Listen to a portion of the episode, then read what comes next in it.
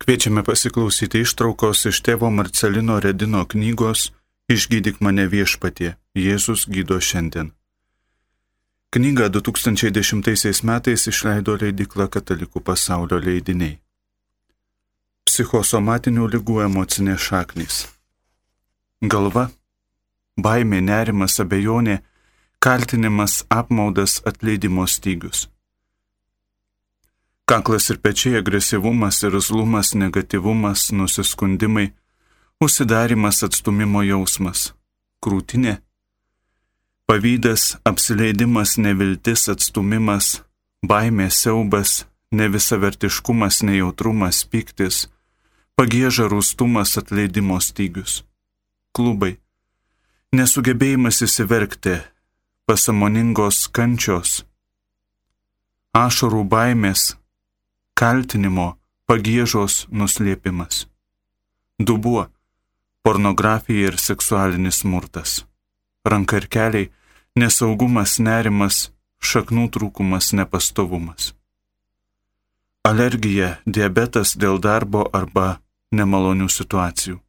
Skausmas arba lyga, kurioje nors kūno vietoje dažniausiai yra vieno arba kelių tam tikros nurodytos jausmų vietos padarinys. Šie teiginiai remiasi Šiaurės Amerikos mokslininkų tyrinėjimais. Šios knygos autorius šiuos tyrinėjimus laiko labai naudingais gydimui. Čia parodomas galimas santykis tarp skausmo arba lygos tam tikrose kūno vietose ir tam tikrų negatyvių jausmų, kurie dažnai veikia pasąmonėje.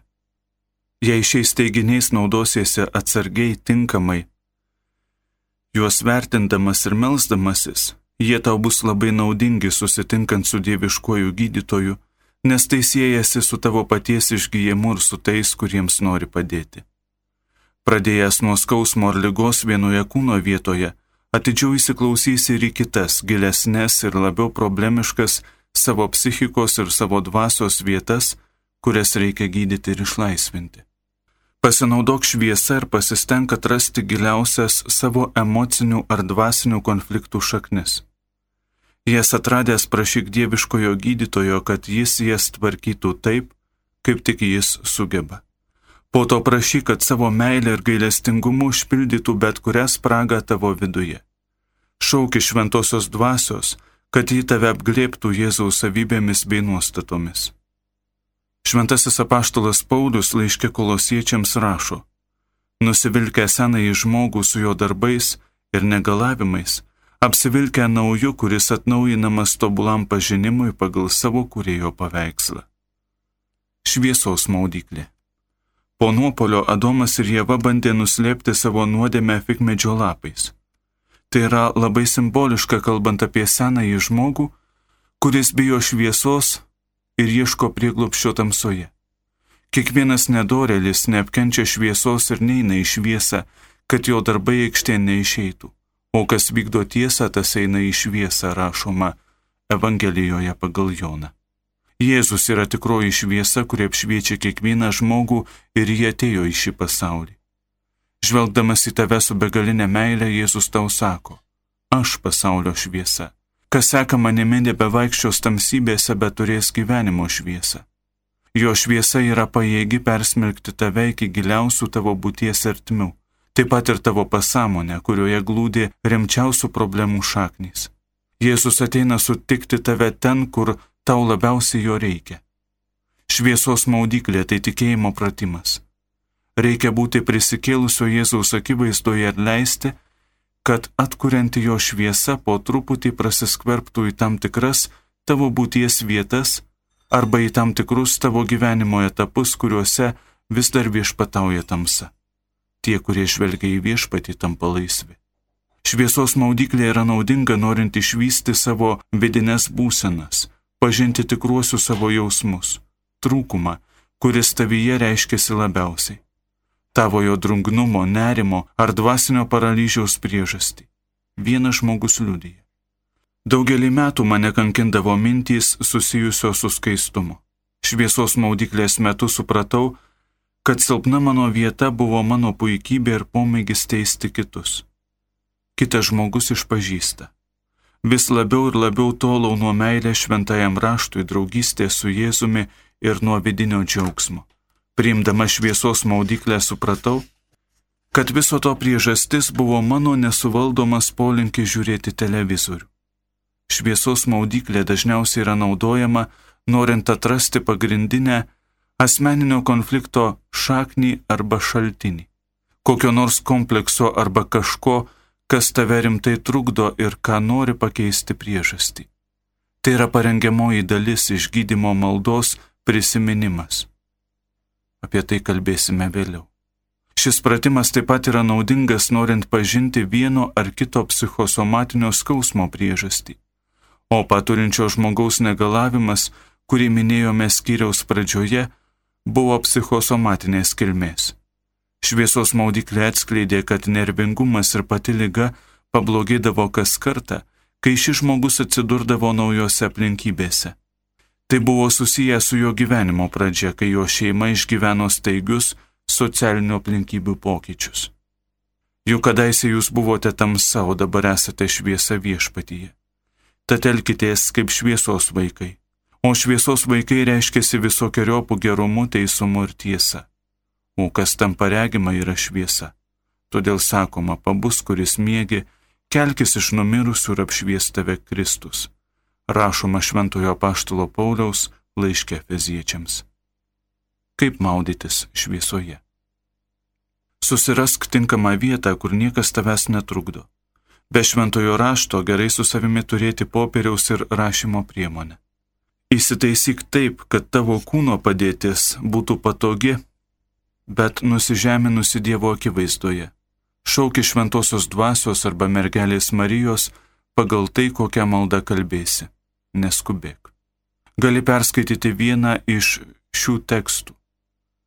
Iš Evangelijos pagal Joną pirmojo skyriaus, pirmąją keturioliktąją eilutę, iš Evangelijos pagal Luką pirmojo skyriaus, 68-79 eilutę, iš Šventojo Paštalo Pauliaus laiško Efeziečiams penktojo skyriaus 8-14 eilutę, arba gali pasirinkti vieną iš šių Evangelijos scenų, iš Evangelijos pagal Joną trečiojo skyriaus pirmąją 21 eilutę, ketvirtos skyriaus 5-19 eilutę, 20 skyriaus 11-17 eilutę, iš Evangelijos pagal Luką 10 skyriaus 38-42 eilutę. Jei pasirinks Evangelijos sceną, įsivaizduok Jėzų ir tą žmogų, kuris toje ištraukoje su juo bendrauja. Skaitydamas Evangelijos ištrauką, arba po to įsivaizduok prisikėlusi Jėzų švytinti, tačiau labai žmogiška ir prieinama. Jis ateina prie tavęs šypsodamasis, trokšdamas tau padėti ir pasidalyti su tavimi savoje laimę ir ramybę. Gali kontempliuoti atviras jo žaizdas, juk per jas ir būsi išgydytas. Jei tau nepavyktų įsivaizduoti viešpaties nesisielok, padaryk stiprų tikėjimo aktą, išpažindamas, kad jis yra arti tavęs viešpatė, aš žinau, kad esi tu čia. Tu mane myli ir trokšti man laimės, panardink mane savo šviesoje. Vieno tavo žodžio pakaks, kad aš pasveikčiau. Kalbėdamas su Jėzumi paprastai ir su pasitikėjimu jam papasakok, kas šiuo metu labiausiai tau kelia nerimą. Patikėk jam savo problemas ir rūpeščius. Leisk, kad jo žvilgsnis ir jo šviesa prasiskverbtų į bet kurią vietą, kuri vis dar yra valdoma tamsos. Paprašyk, kad jis tau parodytų bet kurį dalyką, kuris jam tavyje nepatinka ir gadina tavo sveikatą. Prašyk, kad jis iškeltų iš viesą tavo lygos šaknį, kurio nors blogio šaltinį, konflikto priežastį, kurios nors konkrečios tave jaudinančios problemos, konflikto ar rūpeščio priežastį. Tegul jūsų dialogas nebūna monologas, Po kiekvieno klausimo padaryk pauzę ir klausyk savo širdies.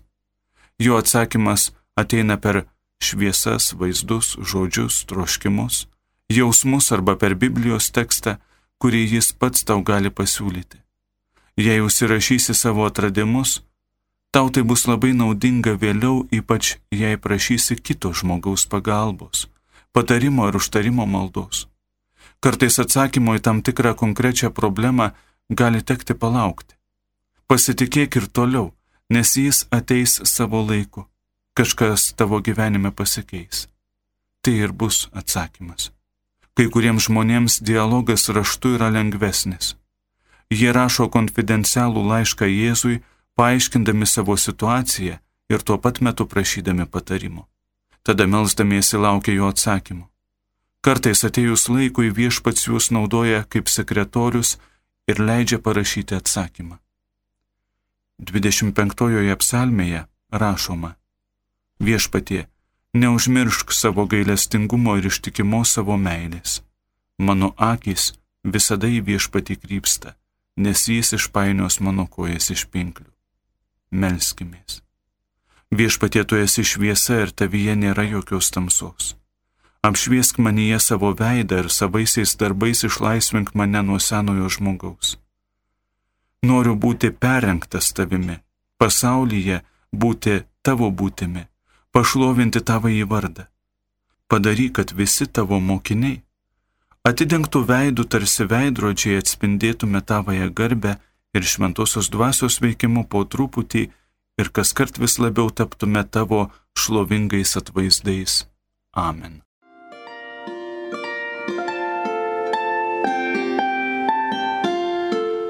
Jūs girdite Marijos radiją.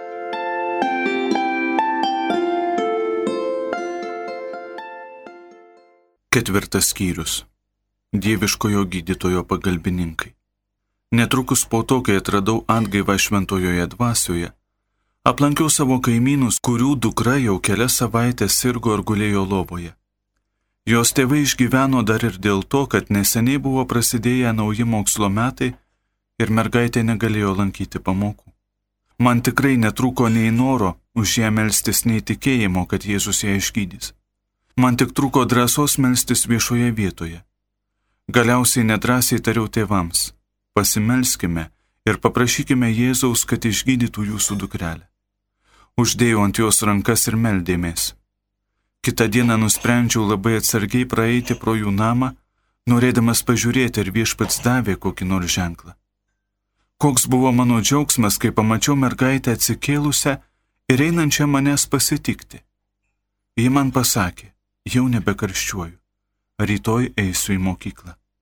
Nuo tada dar ne kartą patyriau šį džiaugsmą, kad galėjau padėkoti viešpačiui matydamas, kaip jis atsiliepia į mažus mūsų prašymus padėti mūsų numylėtiniams, vaikams, ligonėms ir mažiausiems. Žmonijos visuma. Jėzus evangelizuodavo atleisdamas, gydydamas, nutraukdamas grandinės. Kiekvienas išgyjimas ar išlaisvinimas primindavo Dievo karalystę. Vakarui atėjus, žmonės sugabeno pas Jėzų daug demono apsėstųjų. Jis išvarė dvasia žodžiu ir išgydė visus ligonius, kad išsipildytų pranašo Izaijo žodžiai.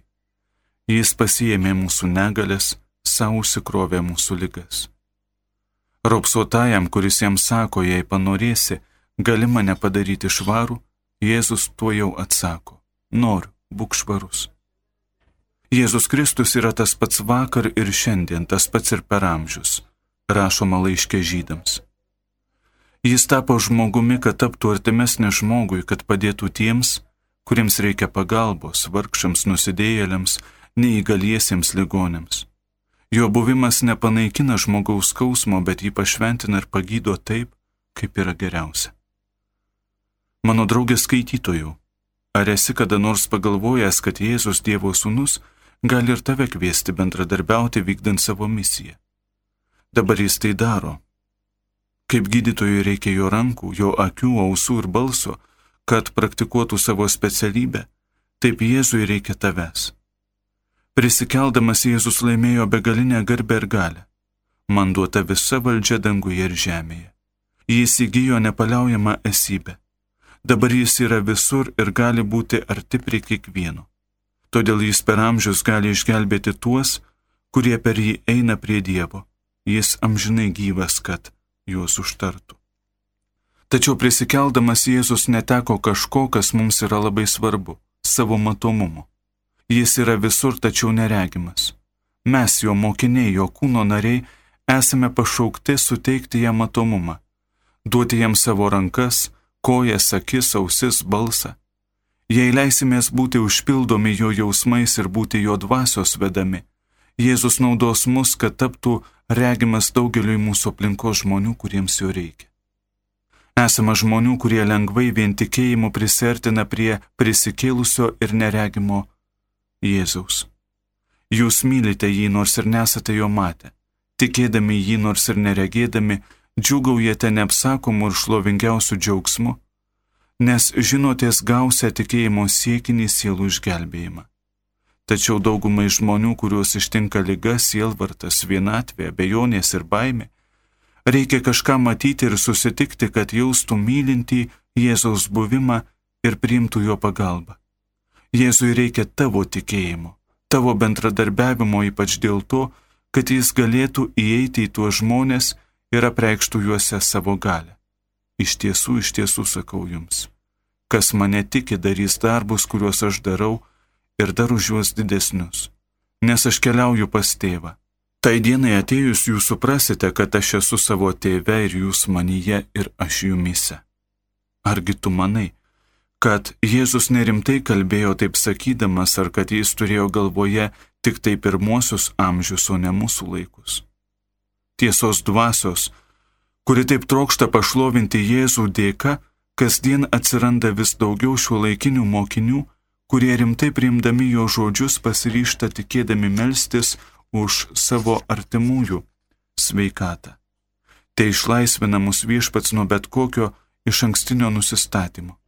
Tačiau tai išlaisvina mus taip pat ir nuo netikro nuolankumo, kad jam netektų mūsų atstumti, nes užkasėme tokį vertingą talentą kaip gydimas, kuris su jo meile yra nešamas ligonėms.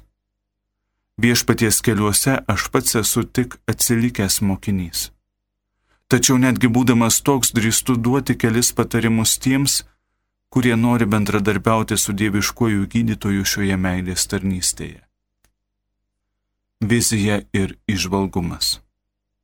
Kiekviena evangelizacijos forma, kaip ir gydimo tarnystė, susideda iš vizijos, misijos ir patepimo skaidrios išvalgos Dievo planams žinojimo, kad esi jo šaukiamas ir siunčiamas skelbti gerąją naujieną ir dvasios patepimo, jėgos nukreipimo. Kaip mato lyga Dievas, kaip jį žvelgia į ligonį. Dievas yra mūsų tėvas, kuris į mus žvelgia motinos akimis ir mus myli dar motinos iščiose. Kaip motina guodžia savo sūnų, taip aš paguosiu jūs. Kada tai išvysite, pradžiugs jūsų širdys, jūsų kaulai sužaliuos, nelyginant žolį. Savo tarnams viešpats apreikš savo ranką. Dievas yra tartum geras ganytojas, kuris myli ir prižiūri savo avelės. Suieškosiu paklydusias, žūstančias gražinsiu, aptvarstysiu sužeistas ir pastiprinsiu silpnas. Kaltindami viešpati dėl lygų, mes susidarome klaidingą Dievo įvaizdį nes iš tiesų juk mes patys sukeliame jas dėl savo klaidų, pertekliaus, netidumo ir nuodėmių. Arba tai gali įvykti dėl pirmosios nuodėmės ar smurto mūsų žmonijos šeimoje. Iš pradžių Dievas apžvelgė visą, ką buvo padaręs ir iš tikrųjų matė, kad buvo labai gera. Tai tiesa, kad Jėzus yra palankesnis tiems, kurie kenčia, ligonėms, vargšams ir atstumtiesiems. Būtų negerai sakyti, kad žmogus yra atstumtas ar kad jis kenčia todėl, kad Jėzus jį myli. Tačiau Jėzus jį myli, nes tokiems žmonėms reikia daugiau meilės. Taip pat yra tiesa, kad Dievas leidžia blogį, tačiau netgi blogio įkarštyje jis gali išsaugoti savo vaikus ir suteikti jiems didesnį gėrį. Kad ir kokia būtų lygos pradžia, tačiau tada, kai jie vystosi pagal Dievo planą, tai yra atperkanti patirtis, kuri mus vis labiau priartina prie Dievo ir prie kitų žmonių. Žinau esant vieną kunigą, kuris prieš daugelį metų apako, tačiau kaip tik dėl to jo gebėjimas klausytis kitų ir šlovinti viešpatį šimteriopai pagerėjo. Pažįstu vieną daugiavaikę šeimos tėvą, kuris sako, mes iš Dievo esame gavę didžiulį palaiminimą ir paguodą. Tai Dauno sindromu serganti mūsų dukrytė. Vienas vienuolino vyresnysis yra pasakęs, didžiausias bendruomenės turtas yra seni ir lygoti jos nariai. Kančia yra gyvenimo dalis. Žmogus ją priėmęs su dėkingumu atranda joje nesibaigiančių turtų lobyną. Glaudesnį dalyvavimą Kristaus atpirkimo slėpinyje. Tai iššūkis, kurį reikia įvykdyti dėl to, kuris pamilo mane ir paukojo save už mane, rašoma Šventojo Paštalo Pauliaus laiškė Galatams. Dabar aš džiaugiuosi savo kentėjimais už jūs ir savo kūnę, papildau, ko dar trūksta Kristaus vargams dėl jo kūno, kuris yra bažnyčia, rašoma Šventojo Paštalo Pauliaus laiškė kolosiečiams. Patys gražiausi ir stipriausi žmonės yra tie, kurie yra daug kentėję su tvirtu tikėjimu ir meilė. Kai žmogus nesugeba priimti savo kančios su dėkingumu, jo lyga nesivysto pagal Dievo planą. Praradęs ramybę ir džiaugsmą, žmogus praranda pusiausvyrą ar gyvenimo prasme. Tokiu atveju lyga jį sugniuždo ir palaužia, nes jie atskiria žmogų nuo Dievo ar nuo aplinkinių. Tuomet ligonis susidaro mažame savo pasaulėlyje, kuris yra pilnas egoizmo ir savigailos, arba abejingumo ir patogumo, arba pykčio ir keršto. Kančia tai nėra nelaimė. Nelaimė tai kentėti užsisklendų savyje, nebūti niekam naudingam, nežinoti kodėl ar dėl ko kenti. Taip kenčiantis žmogus, norėdamas atgauti sveikatą, turi pamiršti pat save, atsiverti meiliai, susitaikyti su gyvenimu, atleisti tiems, kurie yra jį įžeidę ir priimti kitų atleidimą. Kad jis galėtų tai padaryti, jam reikia pagalbos iš kurio nors dieviškojo gydytojo įrankio, jo paramos, meilės ir kantrybės. Palaimintas esi tu, jei pasisiūlysi tapti tuo įrankiu. Misija ir atvirumas. Norėdamas galutinai užbaigti savo meilės, atleidimo ir išgydymo misiją, Jėzus tėvo valia yra priklausomas nuo savo regimojo kūno narių. Jėzus yra priklausomas nuo tavęs, ne nuo tavo gabumų, bet nuo tavo atvirumo. Tavo dvasinis skurdas neturi tau kelti nerimo, bet kaip tik priešingai - padidinti tavo pasitikėjimą ir tavo priklausomybę nuo jo. Palaiminti jūs beturčiai, nes jūsų yra Dievo karalystė, rašoma Evangelijoje pagal Luką. Gelbėtoje tu sutiksi arčiausiai savo paties ir savo vargšų brolių skurde. Čia ir yra ta dirba, kurioje slypi didysis dangaus karalystės turtas. Ateik prie Jėzaus visiškai pasitikėdamas ir su meile. Prašyk jo, kad brangiausių savo krauju jis nuplautų visas tavo nuodėmes. Kad jo meilės dvasios gale būtum išlaisvintas nuo savo egoizmo ir pripildytas meilės. Tada galėsi būti naudingas jo gydomos būties įrankis. Jei stiprinsi jo draugystę, gerdamas jo žodį ir būsi atkaklus melzdamasis, galiausiai tai bus Jėzus, kuris galvos tavo protu, kuris žiūrės tavo akimis klausysis tavo ausimis ir kalbės tavo balsu. Tada tai bus Jėzus, kuris mylės tavo širdimi ir laimins tavo rankomis. O tu tapsi tikras dieviškojo gydytojo pagalbininkas, jo malonės, meilės ir paguodos nešėjas ligonėms. Aš gyvenu, tačiau nebe aš, o gyvena manyje Kristus, rašo šventasis apaštalas Paulius laiškė Galatams.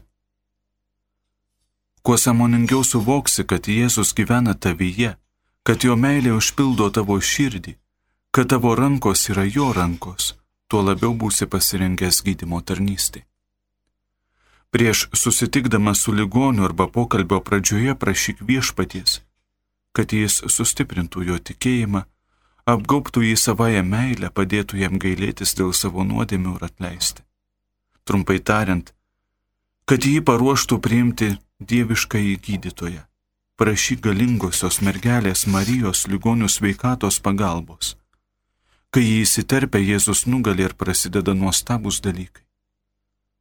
Patepimas ir charizmos. Kai viešpačiaukia kokiai nors tarnystė, pavyzdžiui, melstis už ligonius, jis siunčia savo tarnus, aprūpinęs juos malonę ir dvasios dovanomis. Antai vienam dvasia suteikia išminties žodį, kitam ta pati dvasia pažinimą, kitam tikėjimą toje pačioje dvasioje, kitam gydimo dovana toje vienoje dvasioje, kitam stebuklingus darbus, kitam pranašavimą. Rašo šventasis apaštalas Paulius pirmajame laiške korintiečiams. Dvasios charizmos priklauso visų laikų bažnyčiai. Mūsų laikais Vatikano antrasis susirinkimas skelbė.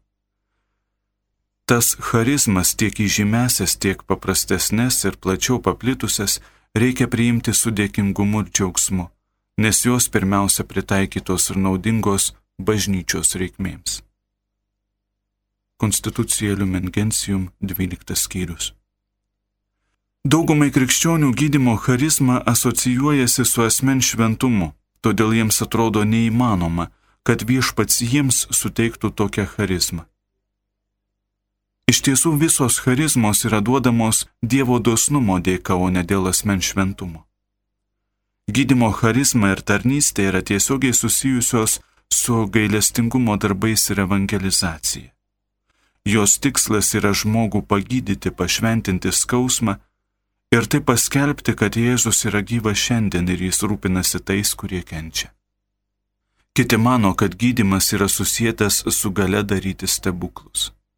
Iš tiesų čia yra dvi skirtingos charizmos.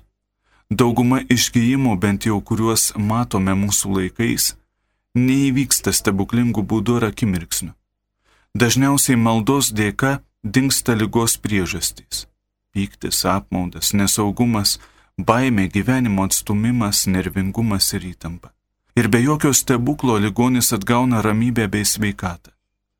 Daugelįje kitų atvejų maldos malonė aktyvina ir sustiprina organizmo jėgas, kad žmogus greičiau atgautų sveikatą. Visą tai nepaneigia galimybės įvykti stebuklingiems išgyjimams, kurie yra stebuklingo viešpaties veiksmo vaisiai. Viena charizma susijusi su gydimu - tai pažinimo žodis. Tai yra dvasio šviesa, leidžianti matyti ir apreikšti Dievo planą kad konkretus ligonis pasveiktų arba žinia, kad jis jau dabar sveiksta. Pažinimo žodis sustiprina tikėjimą arba padeda pašalinti kokią nors kliūtį trukdančią pasveikti. Išgyjimas visada ateina per tikėjimą. Daugelio išgyjimų atveju Jėzus sakydavo, tavo tikėjimas išgelbėjo tave. Vienybė ir bendruomenė. Kartais norėdamas gydyti ligonius viešpat suteikia charizmas, tačiau kartais jis naudojasi kažkuo vertingesniu negu charizmos - meilė, vienybė ir harmonija tarp maldos grupės narių. Jėzus mums pažadėjo, jeigu kas iš jūsų susitar žemėje dviese melstį kokio dalyko, jiems mano dangiškasis tėvas jį suteiks. Kur du ar trys susirinkę mano vardu, ten yra aš esu tarp jų rašoma Evangelijoje pagal Matą. Ne visi tikintieji, netgi ne jų dauguma turi gydimo charizmą. Tačiau visi, kurie tiki Jėzumi ir myli ligonius, gali melstį iš gydimo. Ir kai jie tai daro susitarę jų malda, kaip Jėzus yra pažadėjęs, turi netgi didesnę galę negu charizmos. Didesnė nuostabių išgyjimų dalis, kuriuos man teko paliudyti, buvo vieningos maldos vaisiai baigiu liudijimu, kurį man atsiuntė kartu su sveikatos pažymėjimu. Jėzus yra gyvas šiandien. Jis veikia mūsų gyvenimuose. 1904-1985 metais mane kamavo balso stygų paralyžius. Stygos buvo tartum sustingusios gerklėje. Man reikia balso, nes dirbu su negale turinčiais vaikais ir kartais balso stimulas jiems yra labai reikalingas. Labai kentėjau, nes negalėdavau gėdoti ir šlovinti viešpaties, kaip trokštavau tai daryti. Forsuodama balsą pasiekiau tai, kad susirgau ir laringitu. Buvau mediciniškai gydoma, kurį laiką buvau išvykusi reabilitacijai. Reabilitaciją nutraukiau dėl darbo, tačiau man buvo pasakyta, kad taip darydama nepagysiu. 1985 m. vasarą nuvykau į atsinaujinimo susitikimą Alkobendoje. Ten už mane meldėsi keli broliai. Po susitikimo žmonės, kurie buvo atvykę sveikėjimė skūstis balso praradimu. O aš gėdojau viešpačiu ir galėjau tai daryti be jokių sunkumų. Sugryžusi į Malagą apsilankiau pas tą patį gydytoją, kuris mane gydė anksčiau ir jis patvirtino, kad mano stygų paralyžiaus nebėra. Šis gerklės išgyjimas ir kiti dalykai sustiprina mano tikėjimą. Jie man padeda matyti Dievą tėvą, kuris rūpinasi net menkiausiais savo vaikų reikalais. Laukiantį, kad mes jo ko nors prašytume, nes tai reikštų, kad mes atsigręžiame į jį, kad pasitikime juo ir jis trokšta mums duoti daugiau meilės, negu mes galime priimti. Vėl atradau maldą, kuri yra ne tik naudinga man, bet ir toje maldoje prisimenu viską ir visus. Stebiu, kaip vyksta kai kurie dalykai - Dievo darbai, atsitiktinumai, kuriuose yra Dievo ranka. Melskimės. Viešpatie Jėzau, kuris atėjai mus pagydyti, išgelbėti ir išlaisvinti. Išlaisvink mane nuo savęs paties, sustiprink mano tikėjimą ir užpildyk mane savimi, įžiebk manyje begalinę savo meilę kenčiantiems ir naudok mane kaip savo meilės tarpininką jiems. Šventoji dvasia, padaryk mane naudingą Jėzui, viso žmonijos gelbėtojui. Gailestingoji motina, padėk man nešti Jėzų jo mylimiausiems ligonėms, kenčiantiems, kad juose jis galėtų tęsti savo meilės ir gydimo misiją. Amen. Penktasis skyrius. Fizinis išgyjimas. Mūsų laikais. Kartai žmonės manęs klausia, ar aš turiu gydimo dovaną. Tai galiu atsakyti, kad už ligonių išgyjimą dažnai melžiuosi. Jei esu žmonių grupėje ar susibūrime, stengiuosi visus ten esančius paraginti, kad ir jie drauge melstusi tą pačią intenciją. Laikau save paprastu ir normaliu krikščioniu. Tačiau Dievo garbei turiu pasakyti, kad daugelis žmonių man yra sakę ir rašę, jog viešpats juos yra išgydęs šių maldų dėka. Kai kurie, kaip šis, kurie čia cituojame, man atsiunčia savo liudijimą su leidimu jį panaudoti. Štai tas liudijimas. 1982 m. vasario mėnesį mane ištiko širdies infarktas ir buvau nuvežtas į ligoninę. Nors trejus metus laikiausi griežtos dietos ir nuolat gerdavau vaistus, buvo priverstas lankytis pas gydytojus. Turėjau riboti kai kuriuos fizinius veiksmus. Sunkiausia būdavo užlipti laiptais ar pakelti kokį nors svorį. Daugelį kartų buvo melstasi už mano išgyjimą, tačiau aš pats tiesą pasakius prie to neprisidėdavau. Pastaruoju metu, kai buvau Madride, įvyko kažkas visiškai skirtingo. Kai buvo pasakyta susimti rankomis ir melstis vieniems už kitus, Aš padariau ne tik tai, bet netgi uždėjau šalia manęs stovinčių brolių rankas savo ant savo širdies. Vienas iš jų man pasakė, viešpats tave išgydys pamatysi. Tuo momentu tarsi nauja jėga persmelkė visą mano kūną. Pradėjau lipti laiptais. Lipau gal septynis kartus iki ketvirtojo aukšto ir visai nepavargau, o kaip tik jaučiausi vis stipresnis. Susirinkimui pasibaigus įlipau į Alko bendo bokštą ir kupinas džiaugsmo dėkojau Jėzui, kuris mane išgydė. Nuo tada negeriu jokių vaistų. Mano gyvenimas dabar normalus ir dėkoju viešpačiui, kuris mane išgydė. Dabar galiu dirbti savo šeimos ir Dievo karalystės labui. Jėzus ateina ir gydo dabar taip, kaip jis tai darydavo prieš du tūkstančius metų. Šlovė viešpačiui. Asmeninis liūdėjimas kartais yra net pats geriausias būdas evangelizuoti. Jėzus jam tarė, eik namo pas saviškius ir papasakok, kokių nuostabių dalykų viešpats tau padarė ir kaip tavęs pasigailėjo, rašoma Evangelijos pagal Morkų penktajame skyriuje. Kodėl tik tiek? Jėzaus gyvenime išgyjimai buvo kasdienis dalykas. Daugelis iš jų vykdavo iškart staigiai ir stebinančiai. Jie būdavo tarsi karalystės kelbimo šauksmas. Faktas, kad išgyjimai vyksta šiandien, neturi mūsų stebinti ir neturime reikalauti paaiškinimų. Juk pats Jėzus šiandien gyvena savo mokiniuose. ir per juos tęsia savo misiją. Būtent jis atleidžia, gydo, gelbsti ir laimina per mus netobulus instrumentus ir per sakramentus. Galbūt vis dėlto reikia paaiškinti, kodėl šiandien nėra daugiau išgyjimų, kaip tai buvo Jėzaus dienomis ir per pirmuosius jo mokinius. Pirmiausia todėl, kad mes esame tikrai netobuli tikėjimo, vilties ir gailestingumo instrumentai. Ir būdami tokie stengiamės perduoti gydančią dieviškojo gydytojo galę.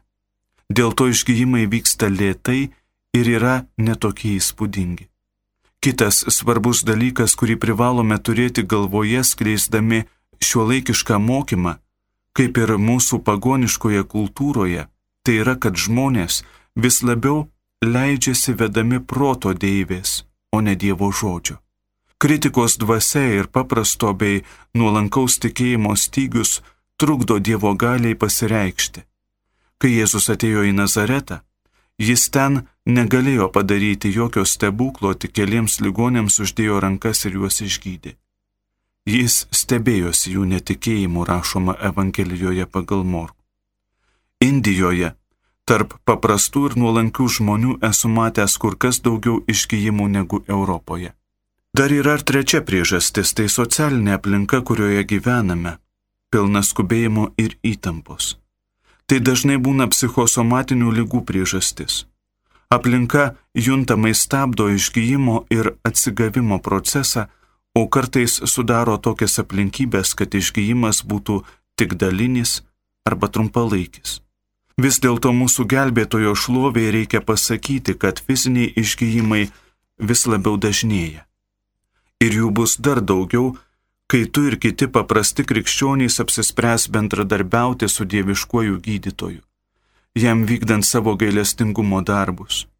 Jis gydo, tačiau pats nusprendžia, kad jam reikia įrankių arba pagalbininkų. Prie to, ką jau minėjau ankstesnėme skyriuje, Čia noriu dar pridurti kai kurias mintis apie trigubą pagalbininko pareigą - įsiklausyti, melstis ir palaikyti. Įsiklausimas. Prieš gydimą vaistais lyga yra diagnozuojama. Lygiai taip pat prieš melsdamas išgyjimo, kiek galėdamas įsiklausyki ligonį ir jo aplinkinius. Pasišnekėk su viešpačiu, tada žinosi, kokios rūšies pagalbos jam reikia skubiausiai.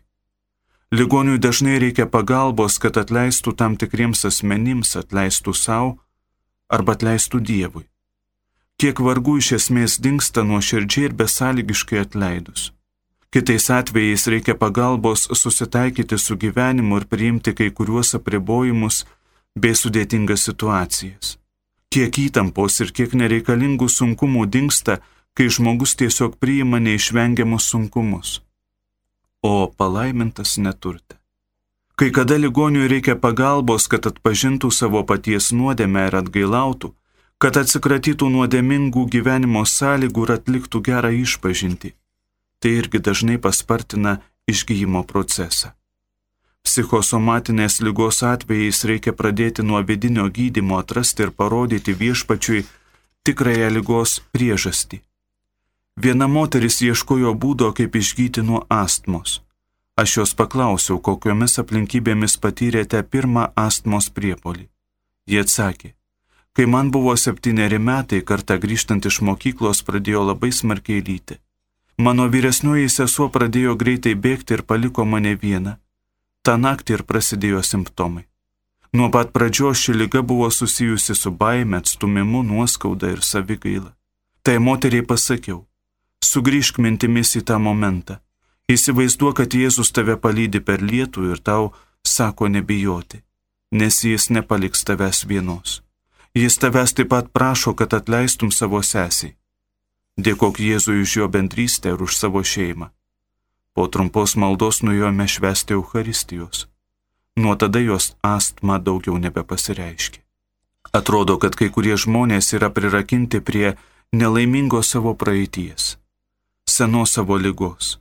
Jiems reikia padėti pamiršti save patį, kad su pasitikėjimu atsiduotų į viešpaties rankas ir priimtų jo išgydymą. Tokiems žmonėms taip pat būna naudinga išlaisvinimo malda, kad nutrauktų savigailos ir savęs atstumimo raiščius ir taptų laisvi nuo spiritus infirmitatis. Visada yra gerai, o kartais netgi labai skubu kalbėti su ligoniu apie Dievo apvaizdą ir jo meilę, apie ypatingą Jėzaus rūpestį dėl tų, kurie kenčia. Tinkama švento rašto ištrauka padės sustiprinti tikėjimą ir viltį, su tikėjimu žvelgti į mūsų gelbėtoją Jėzų, o ne tą ar aną įžymų asmenį, kuris yra tik vargšas begalinės Dievo meilės ir galios įrankis. Žvilgsnį keliu į kalnus, iš kur ateis man pagalba. Viešpats atsiūs man pagalbą, jis dangų ir žemę sukūrė, rašoma psalmių knygoje. Kai kuriais atvejais pagalbos reikia visai šeimai, kad būtų pašalinta pesimizmo ar netikros užuojautos aplinka, kuri ligonį veikia labai neigiamai ir neleidžia jam atgauti savo sveikatos, ramybės bei romumo. Įsiklausimo etape pamatysi, koks yra tinkamiausias laikas ir vieta melstis už ligonio išgyjimą. Ar už tą žmogų reikia melstis grupėje su jo šeima ar bendruomenė ar per šventasias mišes? Viešpats tau gali padėti suprasti, kad ši lyga turi tęstis ir toliau kaip jo atpirkimo plano dalis. Tokiu atveju nepaliauk melstis, kad ši lyga būtų tinkamai vaisinga. Kartą, kai melžiausi su viena sergančia vienuolė, ji išvydo viešpatį ant kryžiaus ir suprato, kad jos pašaukimas yra kentėti su Jėzumi. Nuo tada ji kenčia savo lygą su begalinė ramybė ir džiaugsmu, nors anksčiau tai buvo jai nepažįstama. Dabar aš džiaugiuosi savo kentėjimais už jūs ir savo kūnę papildau, ko dar trūksta Kristaus vargams dėl jo kūno, kuris yra bažnyčia. Rašo šventasis apaštalas Paulius savo laiške kolosiečiams. Girdėjote ištrauką iš tėvo Marcelino Redino knygos Išgydyk mane viešpatie. Jėzus gydo šiandien. Knygą išleido leidikla Katalikų pasaulio leidiniai.